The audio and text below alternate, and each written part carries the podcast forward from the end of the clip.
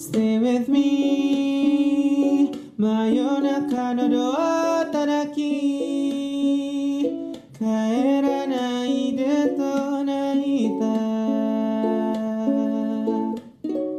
あの季節が今目の前。Stay with me.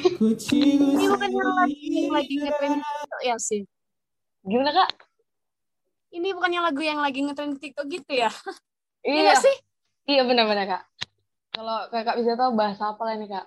Coba ya coba. Masa, kalau nggak salah, kalau bisa tebak tapi nggak terlalu apa sekali. Ke Ah. apa K-pop ya, kalau nggak salah. Iya nggak sih? Enggak, enggak mah enggak. Salah bahasa Jepang. Wow. Aduh, terlalu apa? bahasa Iya, Jepang lah kan ya. lagi, Iya. kan lagi lagi tren itu kan Korea-Korea gitu. Jadi aku kira Korea. Oh iya. Kakak ini kan lah. Oh, kalau yang tulang-tulang kakak tahu yang tulang-tulang. Tulang. When Pamungkas said kalau makan mungkin nggak bisa sampai ke tulangnya, tapi kalau sama kamu mau sampai ke tulangnya. Anyways, I want you to take me home, I'm falling. Oh iya. Kalau ini lumayan tahu lah. Pernah juga ya? Iya. Tapi ini aku semua tahu lagunya di TikTok itu soalnya. Kalau dengerin lah semuanya kayaknya enggak. Kalau TikTok iya. Iya di. TikTok. eh iya kan memang semua kan viralnya, trendingnya itu kan di TikTok ya kan kak. Kreatif kreatif Iya, semua- sih orang selama corona gini banyak sih yang kreatif berkreasi. Kalau kakak main TikTok juga nggak? Kalau aku sih bukan main TikTok, cuma kayak suka nonton aja, penonton aja. Kalau aku kadang juga sih buat konten gitu TikTok tapi nggak Oh, banyak. Cuman ya Iya, nggak main Kont- tapi paling nggak terlalu lah ya kan. Iya nggak terlalu Iya. lah. Kayak apa? Oh, iya sih bener-bener. Apa Tapi kebanyakan ya? Oh, kalau kakak suka lagu denger-denger lagu itu nggak sih kayak gitu-gitu misalnya kan kayak gitu lah dia Hmm. nggak eh, misalnya kakak denger lagu di TikTok kayak gitu. Tadi kan ada lagu barat lah ada lagu Jepang lah. Terus Hmm. kakak suka denger-denger juga lagu-lagu barat lainnya gitu. Atau nggak terlalu biasa aja. Dibilang suka enggak. Dibilang nggak suka enggak juga gitu kayak. Atau kakak lebih Oh. suka lagu Indonesia? Kalau lagu barat kayaknya kurang bukan nggak suka sih, tapi gara-gara kadang kan lagu barat ini kan kita nggak ngerti. Jadi kayaknya lebih suka ke lagu bahasa Indonesia aja kayak pop oh gitu gitu kayak lagu-lagu bahasa Indonesia lebih nyaman kayak lebih tahu juga artinya. oh Jadi iya kayak sih lebih enak ke situ lah. Kalau lagu barat kayaknya kurang suka. kan mungkin kakak pernah denger nggak ini kak Kayaknya aku belum ini nih kak belum pernah dengar, belum. coba ya Kayaknya baru denger ini. Karena nggak penggemar K-pop juga ini sih. Di TikTok banyak sih. Ah kalau ini dengar.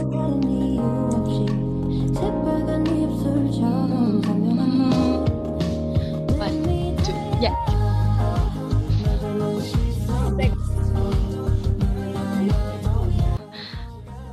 Ini ini sih. Aku nggak tahu apa artinya. Ya intinya itulah ya kan. Kayak kalau bicara lagu-lagu ini banyak lah ya. Oh, apalagi ini ya eh, kayak lagu ini. Tahu nggak yang mana kalau kalau aku baca liriknya kira-kira tahu nggak kakak ini lagu apa kayak mana ada aku cuek apalagi gak mikirin kamu Oh itu. ya Kalau itu tahu kalau nggak tahu penyanyinya siapa ya? Eh, siapa namanya? siapa lupa. Sule Sule Anak Susule. ah Sule iya siapa? Sule Rizky Febian Ah iya pas Rizky. iya kan Lupa aku namanya ih langsung langsung langsung tahu kakak ya padahal aku tadi cuma baca liriknya eh, ketahuan kan memang aku Iya, bacanya di situ kalau kalau lagu itu tadi aku bilang kan saya kalau lagu bahasa Indonesia setidaknya ada sedikit tahu lah kalau lagi ngetren lagunya. Lagian kan lagu si Rizky Febian lagi apa dia lagi ngetren juga, ya kan? Iya, iya sih. Kalau lagu ini, kakak tahu nggak lagu ini kayak eh kalau aku baca ya, tapi nggak nyanyikan kayak mungkin hari ini, hari esok atau nanti berjuta memori. Itu tahu juga mungkin hari. Iya. Tapi aduh tapi nggak tahu sama penyanyi aslinya. Ih, tahu juga ih, Tela kan kita udah kasihan ngomong aja bahas-bahas lagu. Seru ya kan kalau iya, saya lihat. karena ini kan banyak kali gitu kayak lagu-lagu apa gitu kayak eh, kita kelas-kelas sedikit lagi lah, nggak apa-apa lah ya. Mm-mm. Enggak. Kayaknya belum baru kedenger ini sih serius. Baru, Iya serius aku denger ini. Bentar dulu. ini tuh kayak mash up TikTok ini kan, jadi bahas TikTok kita. Padahal yang mendengarkan ini udah semangat mendengarkan kita. Udah nggak udah bingung kita sebenarnya mau bahas apa lah ya kan mungkin mereka pikir kita mau bahas tentang lagu ini ya Oh, kan sih ih, mereka mereka udah udah ada yang mungkin udah ada yang dengerin sekarang. Jadi kayak oke lah, welcome gitu. Kayak eh, jangan nggak jangan. Eh, kita kita ubah kita ubah jadi inilah ya jadi gimana ya? salam yang formal. Oke. Somebody love kan jadi mau nyanyi aku kan denger lagu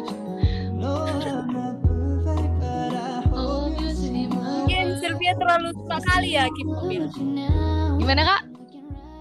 Kamu terlalu suka K-pop ya? Fans banget ya? Ih, jangan di ditanya lagi kak, udah bertahun-tahun sih. Suka aja gitu. Kayak oh, suka aja. Suka kayak keren gitu. Amo betul juga ya betul juga itu sih sebenarnya. Tapi itulah karena nggak suka juga K-pop ini kan. Jadi males juga iya, nyari sih. iya, wajar lah berbeda-beda orang, beda suka, beda warna, iya pas beda-beda semua. Gak apa-apa, it's okay. Oke lah, mungkin pendengar kita juga udah udah siapa tahu udah nggak sabaran denger kita yang ya, iya, yang iya. yang nggak seberapa ini mau cerita sharing topik kita. Oke lah, langsung kita sambut dengan salam kita yang tak tak tak. Selamat datang di Empat Variabel Podcast. Saya Sylvia di sini sudah bersama dengan Kak Kristiani. Di mana kali ini kami ingin berbagi topik nih tentang gimana sih perkembangan alat hitung.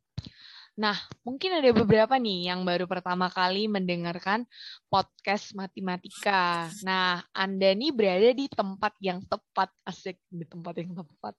Oke lah, Hmm, langsung aja kita sapa Kak Kristiani.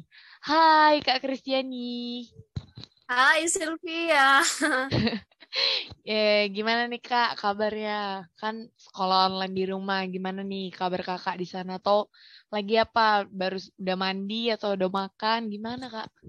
Gimana lah gitu? Banyak kali Puji pertanyaan tuh. baik Oh, Puji Tuhan baik cuman kalau mandi kayaknya kalau udah malam kayak gini lagi kayaknya nggak berani dia sih Oh, iya sih, iya sih.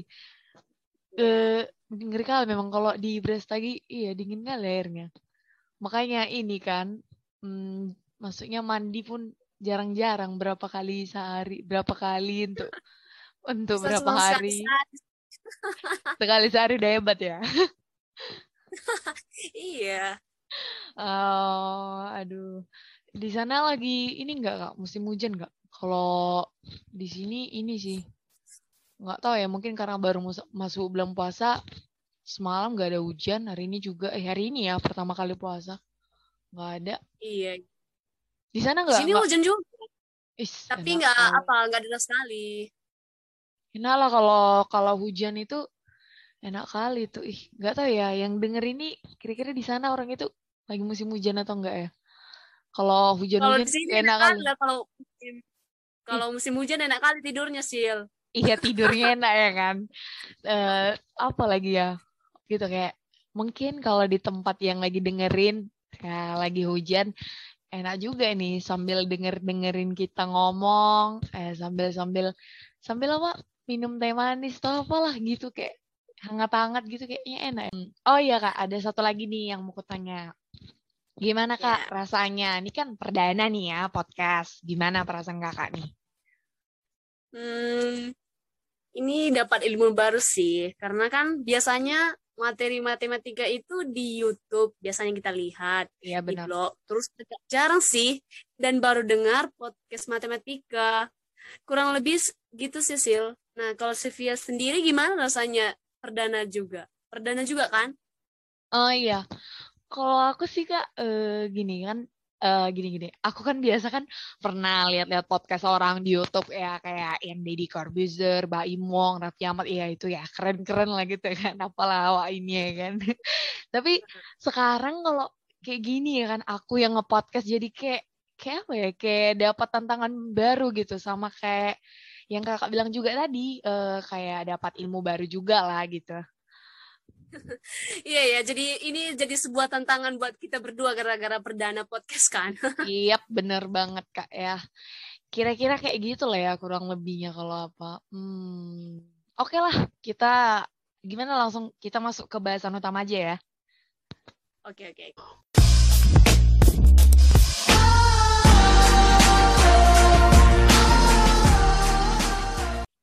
Kita mau bahas gimana perkembangan alat hitung ya kalau nggak salah ya, Sil. Iya bener banget. Karena kan ya bagaimanapun peradaban manusia kan tidak lepas dari yang namanya perhit eh, apa hitung menghitung ya. Walaupun kayak beberapa kita pernah bilang atau mungkin kakak pernah dengar kayak matematika itu bukan cuma hitung-hitungan gitu kan. Cuman kan dasar manusia untuk bermatematika asik bermatematika. Ya dasarnya manusia untuk bermatematika itu ya hitung-hitungan tadi gitu Nah. Nah, nah, pada awalnya nih ada alat yang pertama kali digunakan menghitung. Bentuknya menghitung turus nih, kayak tulang. Tulang yang digores. Jadi salah satu tulang tertua yang ditemukan adalah tulang Lebombo. Dia berasal dari pegunungan Lebombo dari Afrika Selatan. Jauh juga ya. Jauh, iya. Terus tulang ini tuh udah 44 sampai 43 ribu tahun yang lalu gitu.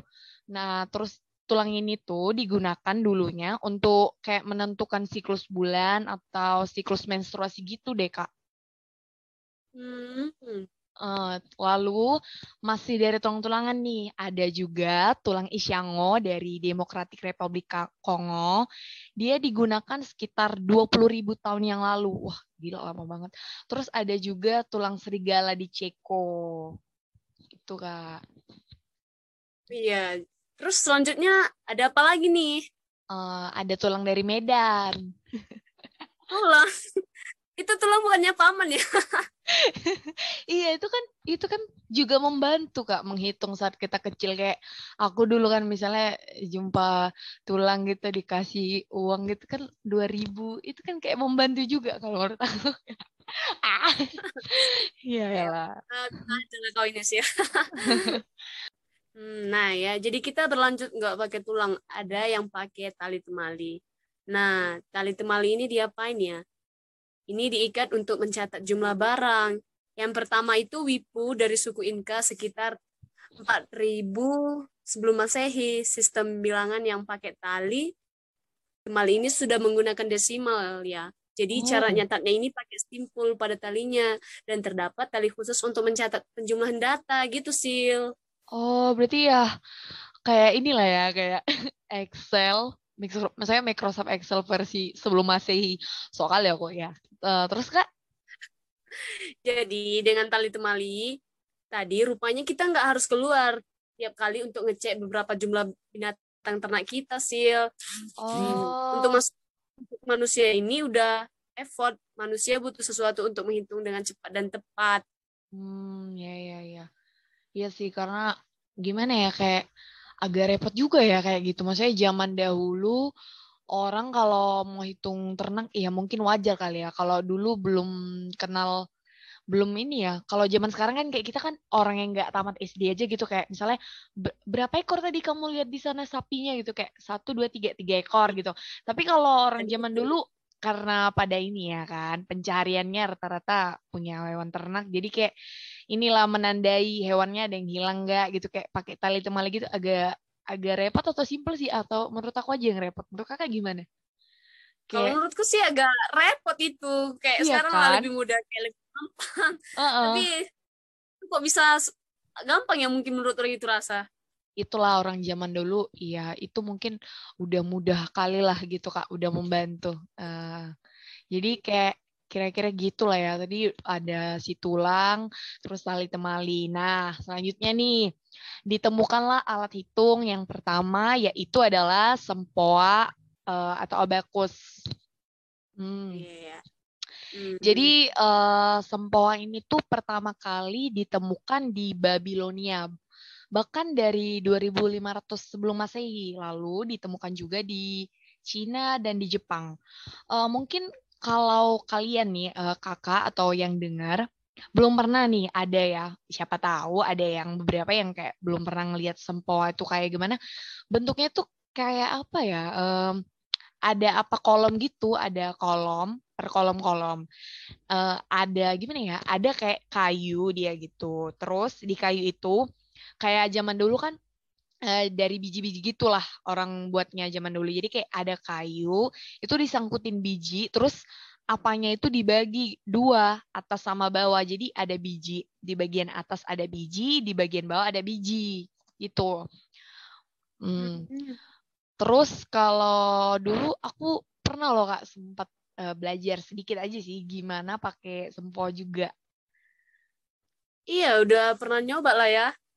Eh, iya Kak, tapi eh, tapi gini aku pernah dengar juga ya sempoa itu katanya itu kan banyak orang-orang Cina ya, anak-anak Cina gitu masih kecil yang pakai. Tapi aku pernah dengar juga gini, eh, sempoa itu kayak lebih membantu ini ya, kayak mental aritmatik gitu. Dulu soalnya aku baru ngeh mental aritmatika itu apa gitu. Ternyata mental aritmatika itu maksudnya yang kita nggak perlu ngitung di kertas gitu, tapi di pikiran aja gitu. Gitulah kurang Iya, lebih. Iya, itu tuh kayak kita bisa ngejumlahin ini yang kayak dua angka tambah dua angka tambah dua angka gitu. Cuma kalau misalnya yang udah ngaliin empat kali empat angka ya mending pakai kali silang biasa dulu gitu. Masih ingat nggak cara pakai sempo itu? Biar agak tahu juga sih, biar jadi bagi Hmm. berpengalaman juga. Yap, yap. Masih, masih, masih, eh, masih aku ingat yang, yang ini ya. Yang dulu aku pakai yang empat biji di bawah dan satu biji di atas. Jadi kayak satu didempetin it- gitu. Jadi kayak kalau misalnya gini, satu didempetin ke tengah, yang bawah gitu. Satu jadi satu, dua, tiga, empat. Jadi kalau yang atasnya didempetin sama yang bawahnya tadi, gitu jadi lima. Kayak gitu-gitu lah, Kak. Oh iya ya. Iya Kak, cuman kalau orang yang belum lihat sempoa kan bingung juga gitu ya. Siapa tahu ada yang belum pernah lihat tapi udah pernah dengar gitu ya kan. Soalnya ada dulu sempoa yang 10 kali 10 gitu. Cuman aku nggak tahu itu beneran bisa dibuat ngitung buat lebih dari 100 gitu. Soalnya kalau yang sempoa yang biasanya tuh bisa dipakai buat ngitung, itu bisa dibuat ngitung buat sampai koma-komaan gitu, Kak. Wow, keren Iya. juga. Iya kak, soalnya bisa dipakai buat ngitung sampai berapa digit. Itu bisa sampai ngitung miliaran deh, ada bahkan. Tergantung banyak kolomnya juga sempoanya gitu. Hmm.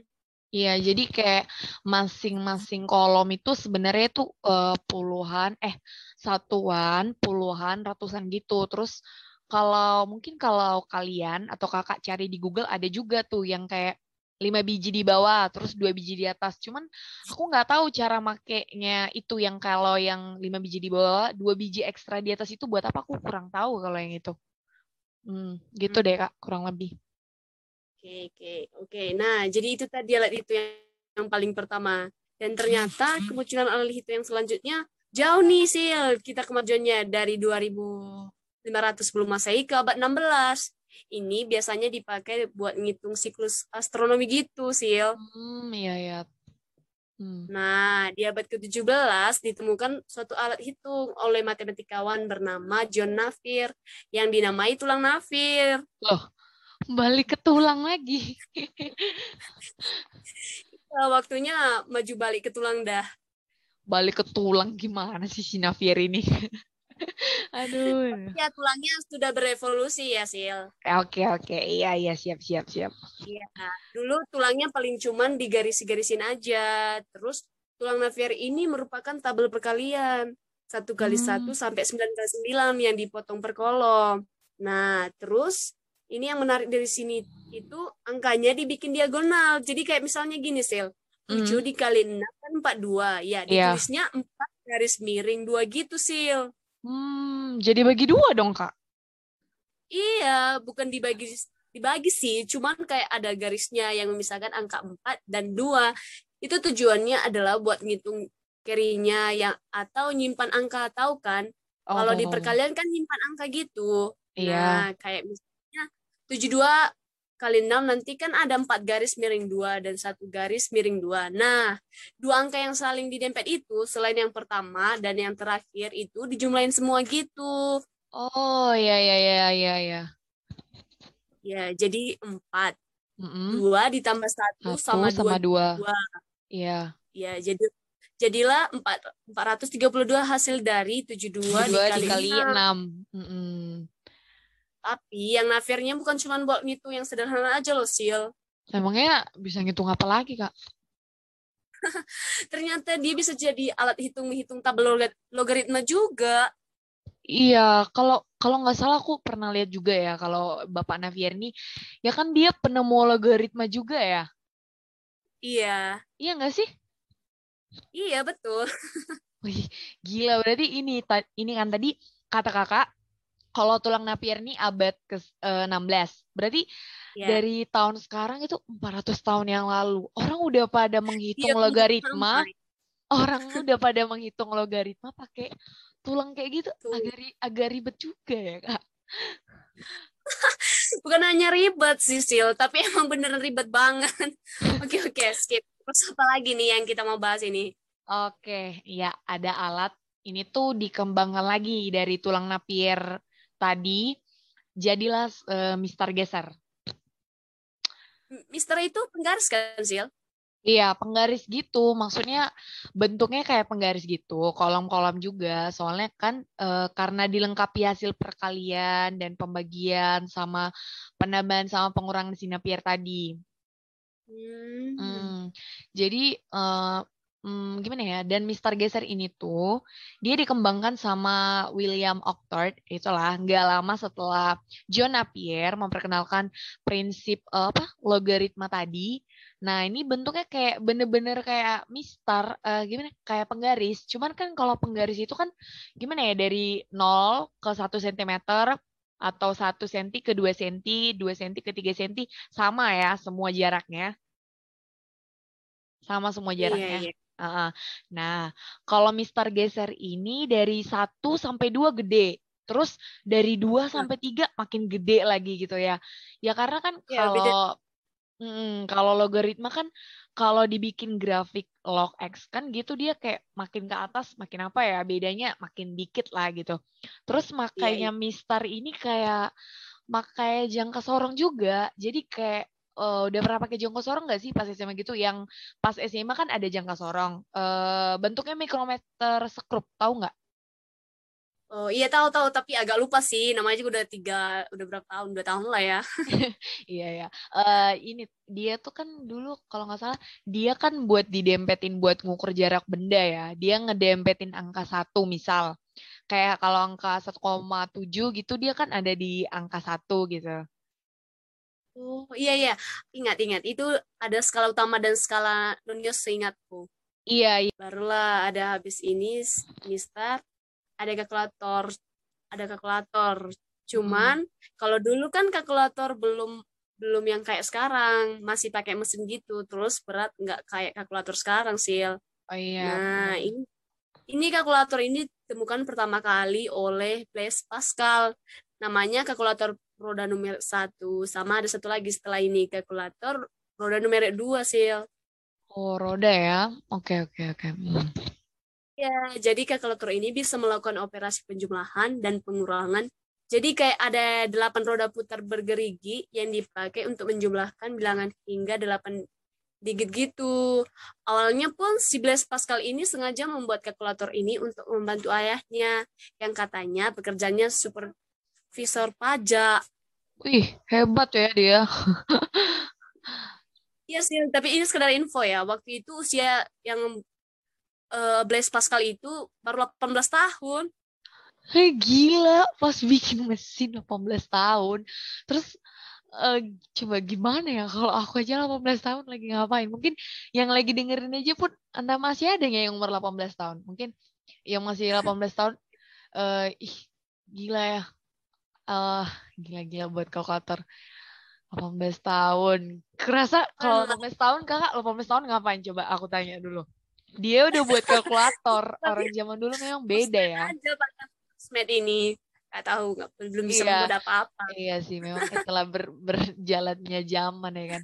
Iya, dulu mungkin si Blaise Pascal ini kan zamannya belum ada TikTok. Mungkin kalau 18 tahun pun Blaise Pascal di zaman dulu udah ada TikTok, bisa jadi Kak dia main TikTok juga, iya kan? bisa jadi bisa jadi Ih, pasti, Iya, iya, bisa jadi. pasti dia tuh main TikTok. Cuman itulah bedanya ya kan. Ngeri ya dia, Iya. maksudnya kayak mau ngebantu bapaknya, dia ngebuat kalkulator baik. Terus kalau kalkulator yang roda numerik dua gimana tuh Kak? ah ini juga apa ya Lebi ini Leibniz namanya Hmm. dia menyempurnakan roda numerik satu tadi sehingga membuat mesin ini bisa menggali, mengalihkan terus barulah sekitar tahun 1800 mulai terkenal kalkulator ini Sil Hmm. ya lalu apalagi nih Sil Hmm, ya ya. Ya, habis punya Pascal tadi ada Om Xavier Thomas nih. Ya, Iya. dia eh ya dia menemukan mesin yang bisa melakukan empat fungsi aritmetika dasar. Namanya kalkulator mekanik Kolmar atau disebut aritometer. Karena alatnya ini tuh udah bisa jumlahan, pengurangan, perkalian, sama pembagian. udah lumayan lah ya. Iya, jadi dengan kemampuan alat ini tuh dulu Kak, arima- aritometer ini dulu tuh banyak dipakai sampai ke masa Perang Dunia Pertama. iya ya perang dunia pertama. Hmm, oke. Masih di tahun 1800-an Nah, ada orang yang namanya Chuck Babbage proto- prototype komputer pertama yang disebut difference ag- agent. Nah, ini dulu digunakan untuk ngitung nilai polinomial gitu yang Hmm. menggunakan tenaga kuat dan bisa menyimpan program, terus bisa melakukan kalkulasi serta mencetak hasilnya secara otomatis gitu. Hmm, Hmm. Udah agak canggih lah ya di tahun gini. Gimana? Apa nggak kira-kira membayangkan alat ini, Sil? Hmm, gini-gini. Tadi aku dengar ada kayak kakak bilang kan polinomial. Iya, Polinomial itu kan kalau nggak salah kayak ini ya kan nggak kayak fx, gx. Kalau nggak salah gitu nggak sih polinomial? Iya, iya. Iya, iya. Berarti orang zaman dulu ngitung-ngitung yang fx, gx, inverse atau fx inverse gitu-gitu pakai alat kayak gini. Terus tadi ada aku dengar kakak bilang dia pakai tenaga uap. Ya ampun, pakai tenaga uap ya kayak susah kali ya. Maksudnya orang zaman dulu itulah untuk ngitung nilai ponia, polinomial. Terus udah tersimpan juga lagi programnya. Oh, udah agak canggih lah ya, udah bisa tersimpan. Terus apalagi tadi ya aku ingat eh dia dia bisa mencetak hasilnya secara otomatis. Oke lah. Ya, itu itu Eh, juga. Eh, eh, berarti ada kalkulator yang lebih canggih lagi, tapi cuma bentuknya masih gede ya. Iya, pas terus 10 tahun kemudian itu Babage itu tiba-tiba terinspirasi untuk membuat komputer general purpose yang pertama yang katanya analytical agent. Jadi kayak mesin diferensial tadi dikembangkan jadi ana- analytical agent gitulah, Sil. Hmm, kalau dulu kayak kesannya gampang ya ngembangkannya yang kayak gitu-gitu itu, Kak. Iya, kayak gampang sih, tapi Tapi kayaknya nggak gampang. Tapi kayaknya nggak gampang banget sih, Sil. Tapi lebih ke karena jenis jadi kayaknya hanya butuh sekian tahun, udah ada aja lagi muncul kalkulator baru. oh iya sih, emang kayak rata-rata hanya sekian-sekian tahun. Iya sih, bener kan? Karena rata-rata kan perkembangan alat hitung ini kan sebenarnya kayak tadi lah tulang Navier tuh dikembangkan, terus alatnya ini tadi dikembangkan dari alat-alat sebelumnya, ya gitu kali ya. Cuma kayak Cuma pasti susah lah kalau aku sih disuruh nggak mungkin bisa lah. Nah terus terus eh, siap ini bukan kalkulator tapi ada namanya kartu perforasi. Jadi ini tuh bentuknya kayak apa ya? Bisa dibayangin nggak sih kayak meja rias cewek tapi bahannya kayu. Tapi gimana ya? Tahu kan meja rias? Kalau meja rias Iya, kan iya. ada kaca lah ya pastinya, ada kacanya. Nah kalau ini dia kacanya tuh gimana ya eh, di dalam kacanya itu ada kayak jam-jam gitu gimana ya eh, kayak besar besarnya tuh kayak besar besar jam-jam tangan nah bulat-bulatan jam tangan gitu kayak ada dua tiga puluhan gitu tiga puluh tiga baris lah jadi sembilan puluhan gitu Paham gak sih kak? Oh iya, paham, paham, paham, paham, paham, paham, paham. Ngerti gak sih? Iya, ngerti. Eh, jadi kayak aku lihat gambar kartu perforasi itu gitu. eh nah bingungnya gimana ya pakainya? Soalnya ada Bapak Herman Hollerit masih di tahun 1889, hampir tahun 90-an lah ya. Jadi dia menemukan cara cepat buat menghitung data sensus di Amerika. Nah, si kartu ini tuh bisa menyimpan sampai 80 variabel. Udah 80. loh ya.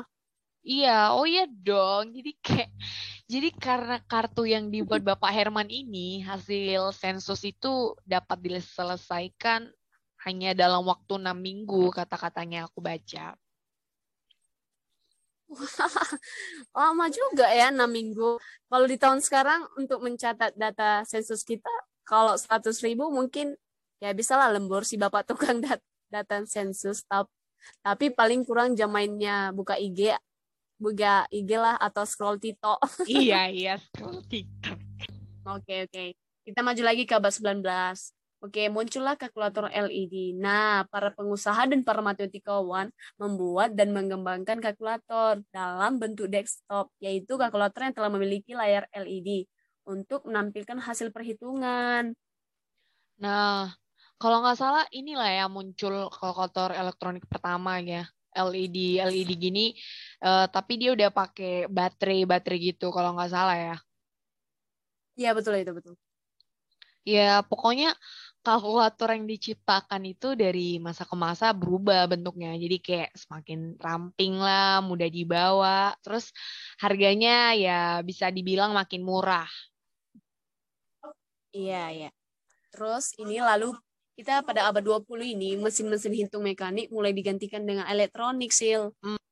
Sebenarnya habis kalkulator LED ini adalah ada muncul ya kalkulator LCD yang sampai sekarang kalkulatornya itu banyak kita pakai. Hmm. Ya agak-agak mirip lah ya kayak LED, cuman ini udah kayak ada unsur saintifik atau biasa apa sih? Oh, ini kalkulator ilmiah, kalkulator anak IPA lah, kalkulator ujian kimia dikasih guru kimia tapi ya nggak kepake. Nah, ya, kalkulator anak IPA yang ada sin cos gitu-gitulah. Tapi kalau ujian fisika kepake juga lah. Oh iya iya baru ingat baru ingat lalu. Nah, lalu yang terakhir zaman kan ya semakin berkembang nih sekarang. Bahkan untuk melakukan perhitungan yang kayak soal-soal sekolah bisa dilakukan di sesuatu yang disebut potomet. Terus apalagi nih Kak, yang Kakak tahu nih, Iya, like lagi aplikasi Medway. Oh, bener-bener bener. Kayak ngitung difference atau integral itu dan bahkan potomet ini kan udah bisa diakses ya melalui HP kita aja, udah free lagi. Terus ada bisa dari website gitu kan. Iya, tapi setauku kalau Medway itu cuman free sekali aja kalau mau lihat jalannya sih. Iya, tapi eh, kan banyak yang lainnya selain Medway yang bisa membantu kita cari jawaban. Ya sih, apalagi ya kan. Sekarang lagi online kalau aplikasi atau website website untuk ngerjain soal matematika itu enak sih. Heeh, terus ini juga sih eh, gini. Eh, aku sekarang gini, adalah aku pernah lihat di Facebook atau di mana lupa ya. Eh, sekarang sih yang penting bukan ngitungnya, tapi kenapa itu mesti dihitung dan kenapa orang hitung caranya itu harus kayak gini gitu. Ya kalau menghitung doang, ya ngapain? Ya udah pakai mesin aja. Eh maksudnya pakai aplikasi aja gitu. Ya, kenapa itu mesti dihitung? Iya, aku pernah baca gitu dan setelah aku pikir-pikir, hmm, aku juga ya, bener ada benernya juga gitu. Iya, cuman maksudnya benar kayak kalau misalnya urusan hitung-hitungan sih Medway atau Potomet atau apalah website matematika ya juga bisa. Malah mungkin lebih cepat dari kita kali. Iya, lebih cepat bahkan kayak ngitung integral dari 1 per x pangkat 51 Potomet Potomet cuman hitungan detik detik enggak Oh iya jelas. Kalau kita mungkin pakai jalan apa gitu kan ngerjainnya, Iya, iya. terus sampai setengah jalan, eh salah ngitung gitu-gitu kan. Iya benar-benar kayak soal substitusi oh batasnya lupa diganti. Iya. Iya kayak gitu-gitu harus dihitung supaya kita lulus lulus ujian juga. Aduh, alasannya benar ya, tapi gimana ya? Tapi ada temanku ada ada kan, ada anak matematika. Dia juga dia pernah Ah. bilang begini, eh Hmm. kamu merasa nggak ada materi gitu, yang ngitung-ngitung doang kayak dalam hatiku kadang kenapa harus dihitung? Temanku tuh mikir gitu kan kayak eh Hmm. kenapa harus dihitung gitu? Soalnya yang Ah. kayak eh, ngitung-ngitung gini kenapa gitu harus dihitung seribet itu yang nggak kita paham harus bisa kita hitung kan tapi udah ada software yang canggih-canggih dia bilangnya gitu Iya ya. Aku juga kadang mikir gitu sih Sil. makanya kadang aku kayak lihat aja caranya lihat aja caranya ngapain ada ada aplikasi kok gitu terkadang gitu ya kan Iya. Kalaupun nggak bisa analitis sudah bisa analisa sudah bisa numerik lah ya kan. iya ibarat kata kayak analisa nggak bisa dibantu ya numerik gitu kayak angka-angka boleh lah ya dibantu terus banyak ujaran yang kayak gini sih kenapa kita diajarin hitung-hitungan padahal ada kalkulator Cuman gini, kalau apa ya?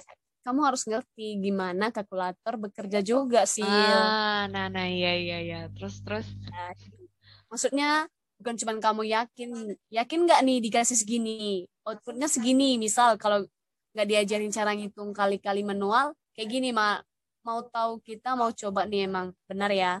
11 kali 11 itu kan satu 121. Kalau di kalkulator sebelum diajarin manual, eh gitu nggak sih? iyalah gimana mau tahu ya kan eh jangan-jangan error nih kalkulator iya bener bener bener Iya iya benar.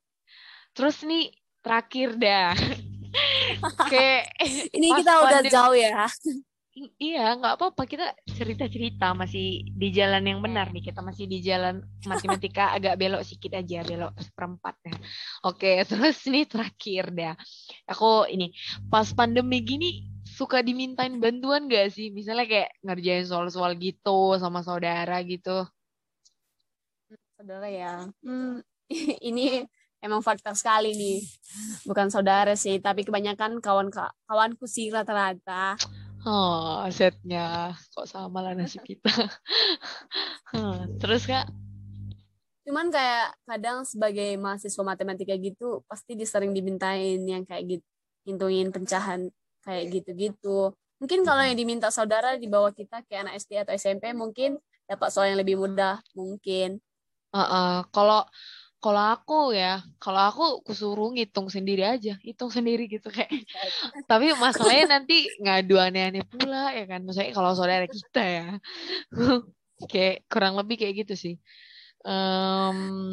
Nih, sebenarnya kan kebanyakan ya orang kesulitan yang dialami dia itu kan perkalian ya rata-rata itu kan masih Ya, basic pasti. lah dasar-dasarnya. Eh, sebenarnya memang Mm. kalau kita udah bisa perkalian eh, kayak setahu aku yang perkalian orang susah itu mulai dari perkalian 6 sampai 9. Makanya tadi aku nanya perkalian 10 itu sebenarnya 10 kali 10 itu kebanyakan gak sih? Aduh, udah. Eh, nah, gitu sebenarnya emang kalau kita udah bisa perkalian itu berapa aja ya udah gampang untuk ngitung-ngitung dasar kayak di SD atau SMP harusnya ya. Itulah anak zaman sekarang.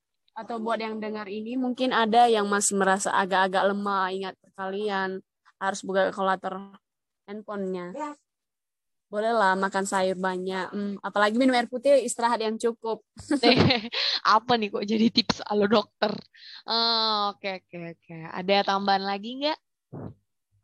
Ya udah sih palingan dari aku. Eh, mungkin buat ada yang masih bingung-bingung tadi kita bilang apa aja atau mau ditanya lagi boleh. Silakan bertanya mungkin di kolom komentar kita ya. Ya kolom komentar bah. Ya ya benar-benar. Em, ya kayaknya udah cukup deh untuk saat ini ya. Itu tadi sedikit ringkasan ya cerita-cerita kita gimana Ya, uh. evolusi atau perkembangan alat-alat hitung ya. Nah, Iya, kami empat variabel podcast, saya Sylvia dan Saya Kristiani. pamit undur diri. Pamit undur diri. Bye. Bye. Sampai Sampai jumpa, jumpa lagi. lagi. Bye.